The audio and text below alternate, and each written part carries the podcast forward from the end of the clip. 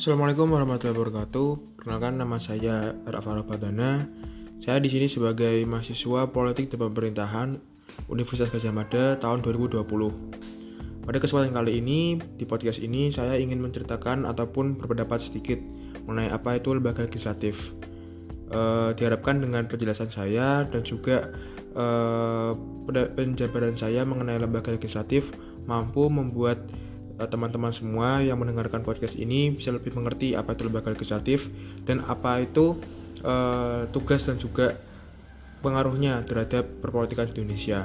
Di sini saya akan membahas uh, lebih lanjut mengenai definisi terlebih dahulu dari lembaga legislatif. Lembaga legislatif atau badan legislatif atau legislatif atau legislatur adalah badan deliberatif pemerintah dengan kuasa membuat hukum. Lembaga legislatif dikenal juga dengan beberapa nama, yaitu parlemen, kongres, ataupun assembly nasional. Dalam sistem parlemen, legislatif adalah badan tertinggi dan menunjuk eksekutif. Dalam sistem presidensial, legislatif adalah cabang pemerintahan yang sama dan bebas dari eksekutif. Sebagai tambahan atas penetapan hukum, legislatif biasanya juga memiliki kuasa untuk menaikkan pajak dan juga menerapkan anggaran. Legislatif juga kadangkala menulis perjanjian dan juga memutuskan perang. Legislatif dalam menjalankan tugas dan juga perannya tentu saja juga memiliki fungsi-fungsi di dalamnya. Fungsi-fungsi uh, legislatif menurut beberapa ahli pun berbeda-beda.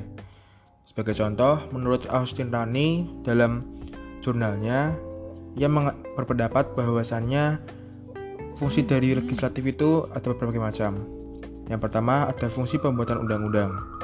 Kemudian ada pula fungsi constituent function Kemudian ada electoral function, ada financial function, executive function, judicial function, fungsi investigatif, dan yang terakhir ada fungsi informatif.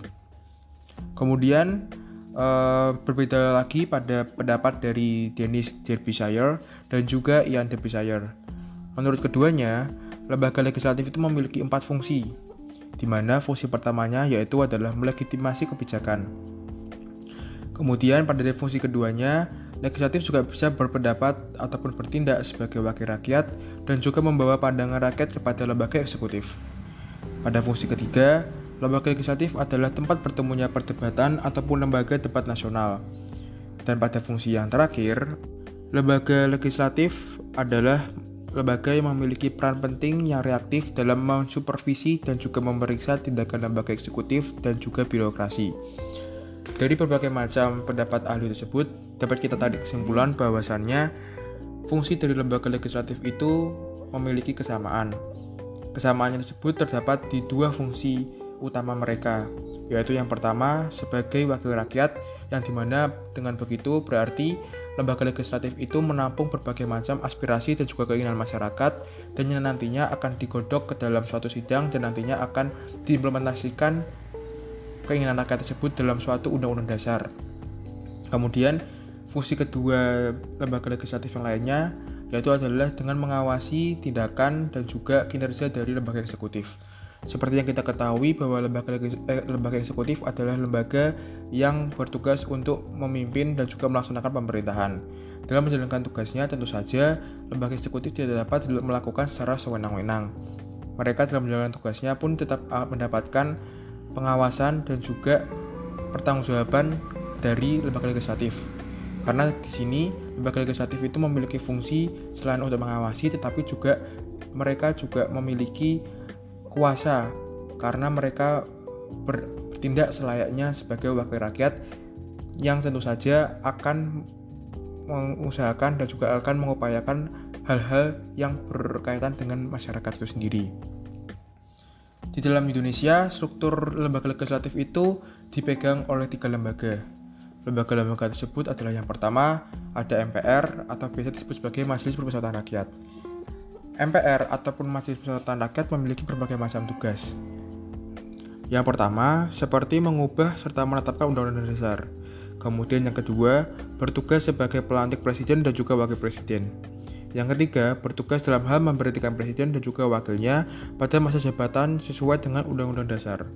Selain tugas, MPR juga memiliki berbagai macam hak seperti hak untuk memberikan usul Undang-Undang Dasar, hak memilih dan dipilih, hak pembelaan diri, hak imunitas, dan lain-lain. Selain itu, lembaga-lembaga lainnya selain MPR ada juga yang namanya disebut sebagai DPR atau Dewan Perwakilan Rakyat.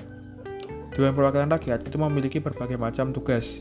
Di antaranya adalah yang pertama, bertugas memegang kekuasaan dan hal pembentukan undang-undang dasar.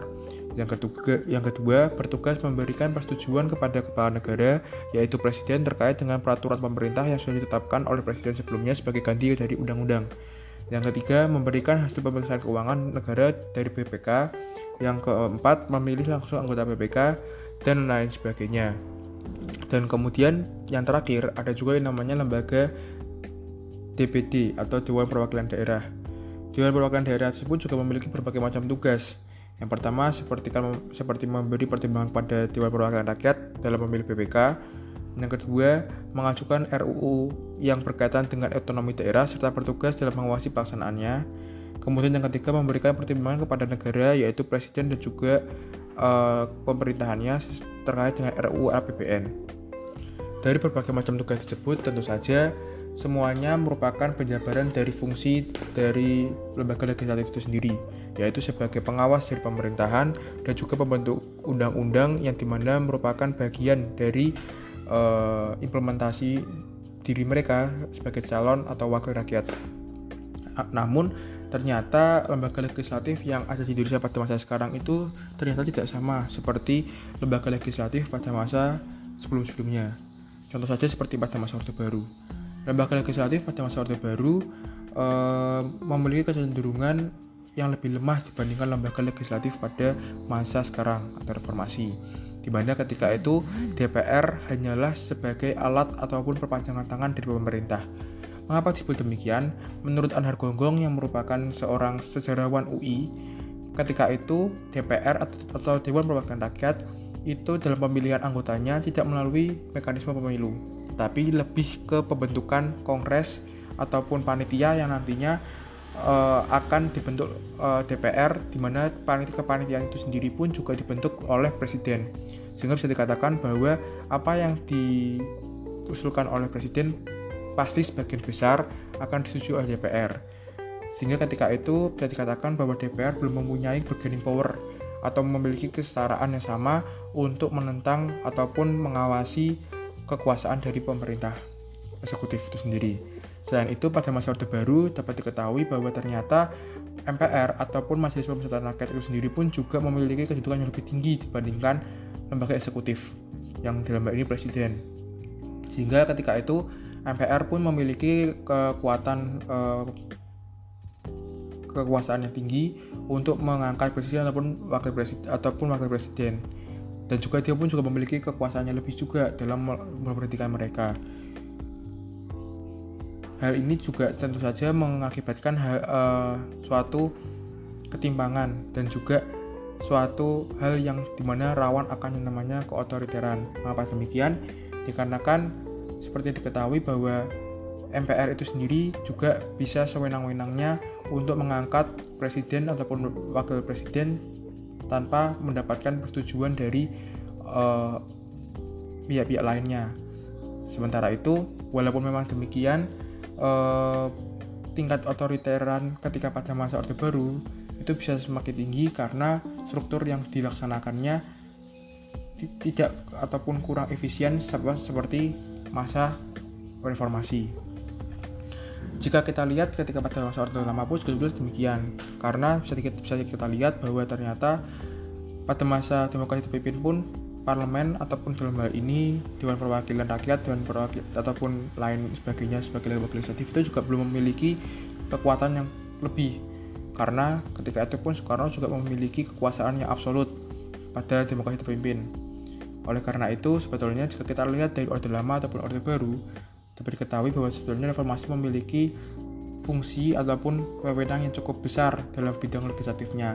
Hal itu tentu saja memberikan keuntungan bagi uh, pemerintah ataupun uh, apa namanya birokrasi di Indonesia karena dengan begitu akan meminimalisir kesewenang-wenangan pihak eksekutif terhadap uh, masyarakat dan tentu saja hal tersebut apa namanya akan memberikan dampak yang lebih signifikan dalam pembentukan undang-undang ataupun kebijakan-kebijakan yang lainnya. Akan tetapi menurut saya pribadi dengan adanya eh, tindakan-tindakan uh, ataupun wewenang-wewenang yang lebih pada lembaga legislatif ada beberapa poin yang menurut saya kurang baik di mana ketika di mana menurut saya uh, beberapa keputusan ataupun kebijakan pemerintah itu tidak dapat atau tidak mudah untuk di uh, setujui atau tidak dapat diimplementasikan karena membutuhkan prosedural yang cukup rumit yaitu dengan uh, meminta Dewan Perwakilan uh, Rakyat ataupun daerah ataupun MPR untuk menyetujuinya karena bisa dikatakan bahwa mereka sekarang memiliki kedudukan yang setara sehingga pertimbangan dan juga keputusan dari mereka-mereka juga sangat diperlukan sehingga kemungkinan besar menurut saya pribadi ada plus minusnya uh, dari sistem uh, lama, orde lama, orde baru ataupun reformasi. Akan tetapi menurut saya pada masa reformasi inilah struktur dan juga fungsinya bisa dikatakan lebih baik dibandingkan masa-masa yang sebelumnya yang di mana ketika itu lembaga legislatif bisa dikatakan lebih lemah kebijakan uh, struktur secara struktural.